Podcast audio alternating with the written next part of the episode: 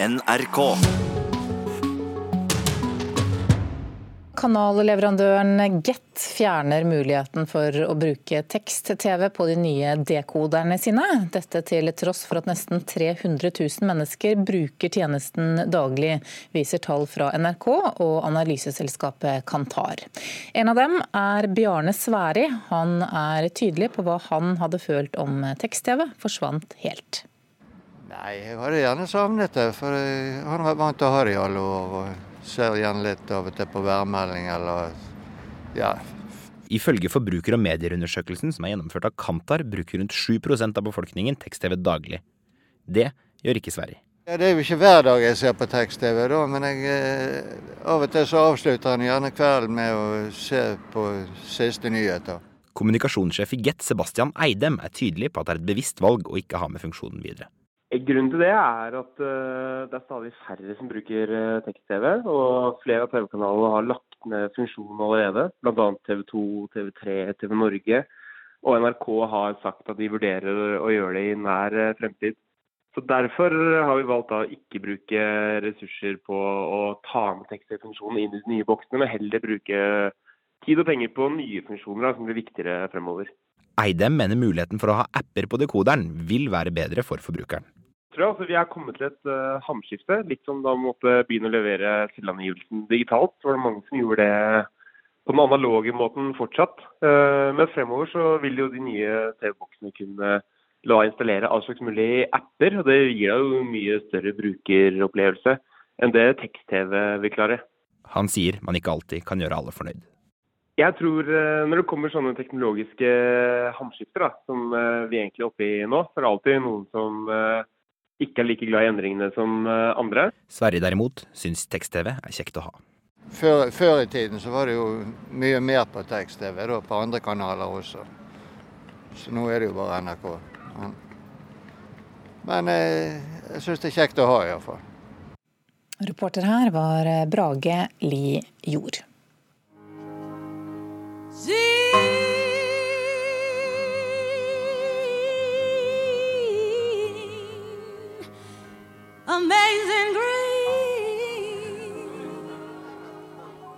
Dette er eh, 'Amazing Grace', eh, fremført av den nå avdøde amerikanske soul-dronningen Rita Franklin. Konsertfilmen med samme navn har nå fått eh, premieredato i Norge. Det skriver Klassekampen i dag, og kulturreporter Petter Pettersen, når kan vi få se denne filmen på norske kinoer? Eh, det har jo vært usikkerhet om den faktisk skal komme til Norge overhodet. Eh, bare for en uke siden så meldte, mm, meldte NRK bl.a. at den ikke skulle komme til Norge pga. mangel av distributør, men nå har det altså løst seg. Eh, og Klassekampen skriver at den kommer til Norge i august. Ok, men Hva kan du si om denne filmen? Det er en konsertfilm om Aretha Franklin eh, som baserer seg på opptak fra 1972, gjort av den amerikanske eh, regissøren Sidney Pollack. Opptakene viser Franklin da hun spilte inn sitt bestselgende gospelplate med samme navn. Eh, og ble, Pollack ble aldri ferdig med filmen pga. problemer, tekniske problemer, men nå har altså produsent Alan Elliot fått det til å ha fått gitt den ut. Mm. Hvordan har den blitt tatt imot i USA? Den er blitt eh, kritikerrost, til tross for en del krangling mellom Franklin-familien og, og, produsent Elliot. Og før sin død stoppet også Aretha Franklin selv denne filmen eh, gjentatte ganger. Eh, stoppet Elliot å, å, eh, gi den ut, men nå etter tolv år altså, har den endelig fått gitt den ut. Og eh, den har blitt kalt, filmen har blitt kalt for den viktigste, eh, det viktigste, viktigste vitnesbyrdet av amerikansk populærmusikk noensinne. Og Rolling Stone skriver at 'it will make you feel as if you've seen the face of God'. Altså, du skal føle at du har møtt Gud etter å ha sett denne filmen. Takk skal du ha, kulturreporter Petter eh, Pettersen. Nå skal vi snakke om eh, ja, gjenfødelse, gjen, gjenoppstand, på en måte. Look up here, I'm in heaven. Got scars that can't be seen. Av det siste David Bowie gjorde før han døde, var å sette opp eh, forestillingen 'Lasarus' i New York. Forestillingen settes nå opp i Oslo, det er det du hører, eh, hører um, lyden fra her. Nærmere bestemt Det Norske Teatret. Og vår teaterkritiker var på premieren og skal straks fortelle hvordan hun vurderer det stykket. Men før det, musikkviter og popekspert Audun Molde, velkommen til Nyhetsmorgen. Takk. Eh, David Bowie var en kunstner som forandret eh, uttrykk eh, og tok forskjellig ham, musikalsk ham gjennom hele karrieren. Er det noe vi kan se i dette stykket? Ja, absolutt. Um, fordi at det er så mange referanser her. Det er romvesenet, og det er alle karakterene, og det er som skillet mellom det virkelige og uvirkelige som tilsløres, og fiksjon og virkelighet. Så mye av universet som David Bowie skapte, er veldig til stede her. Mm.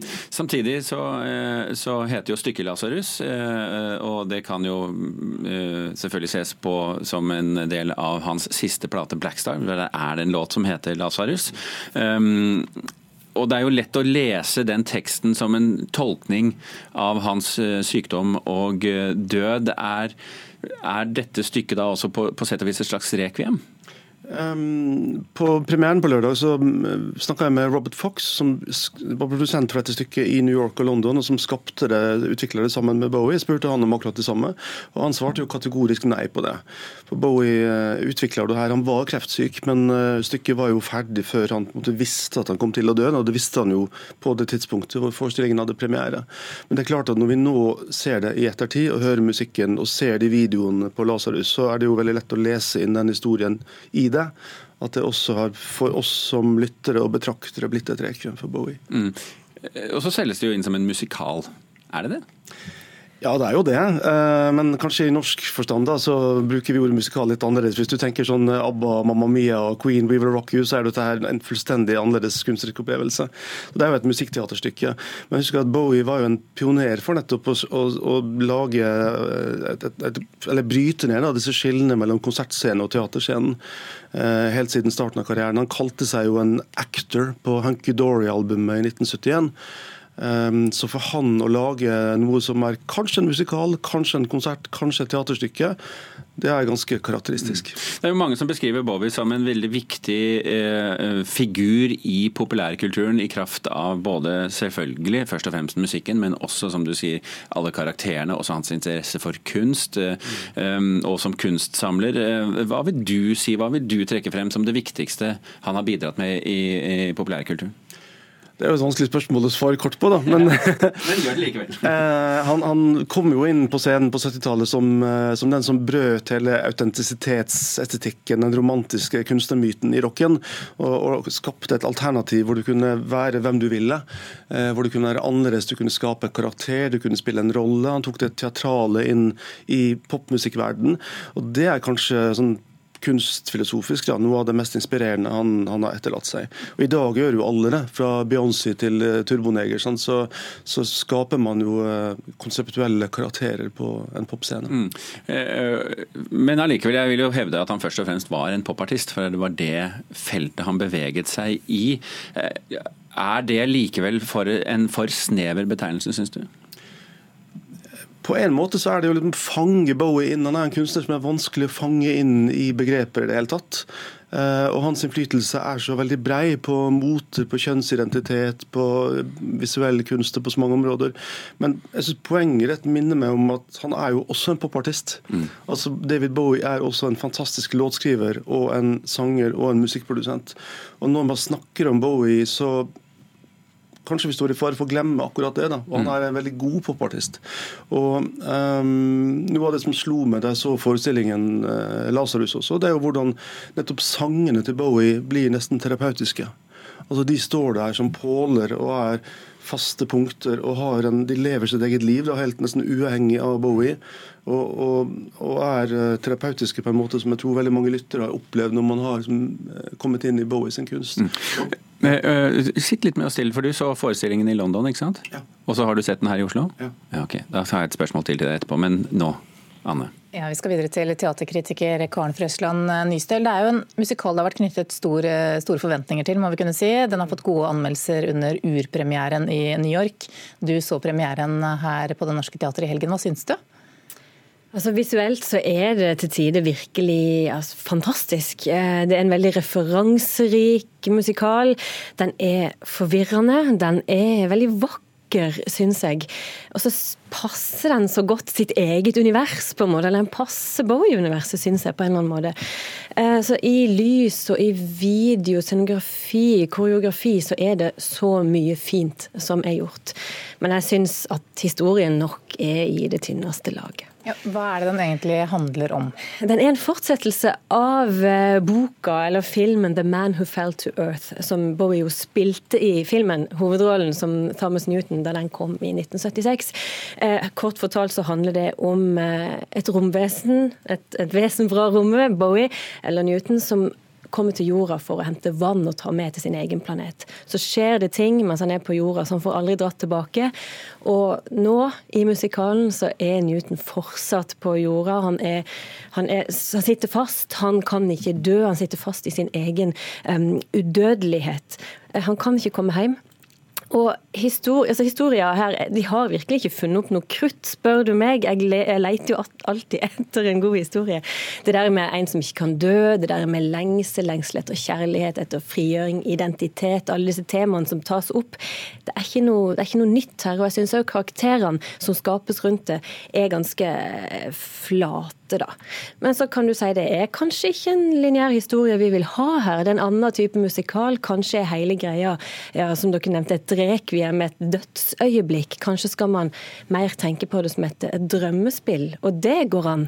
Likevel så syns jeg det er noe som mangler i, i, i selve teksten. Mm, men du sier også at uinteressante karakterer her likevel blir velspilte. På hvilken måte? Ja, de er veldig, veldig godt spilt. Altså, alle skuespillerne går all in i den karakteren de har fått å gjøre. Det en, altså om det er en ensidighet i noen karakterer, så er den òg veldig tydelig i maske, i scenografi, i koreografi, i måten de synger på. Altså De gir alt, leverer bra i den rolla som de har. Så det, at, altså det å være tro selv mot en flat karakter er kjempeviktig. og det selv om karakteren kanskje er litt tynn, litt ensidig, så betyr ikke det at den er dårlig spilt for det. For det er det virkelig ikke her. Men Betyr det, sånn som jeg hører deg nå, at eh, låtene er viktigere da, enn historien i denne musikalen? Ja, ja, det vil jeg absolutt si. Eh, musikalen er bygd rundt disse 17 Bowie-låtene, disse høydepunktene. Det er ingen tvil om det. Mm. Men Betyr det at det er for fansen, egentlig, denne forestillingen? Ja, den er i hvert fall for fansen, men den er noe annet òg. Altså, hvis man har lyst til å få en uvanlig musikal- eller teaterkonsertopplevelse, så er dette veldig fint å få med seg. Jeg vil anbefale å lese 'The Man Who Fell to Earth', eller se filmen først, og, og høre masse på Bowie før man drar dit. Men eh, da får man utrolig mye ut av det. Altså. For det er veldig flott gjort. Altså Til tider så er det litt fantastisk.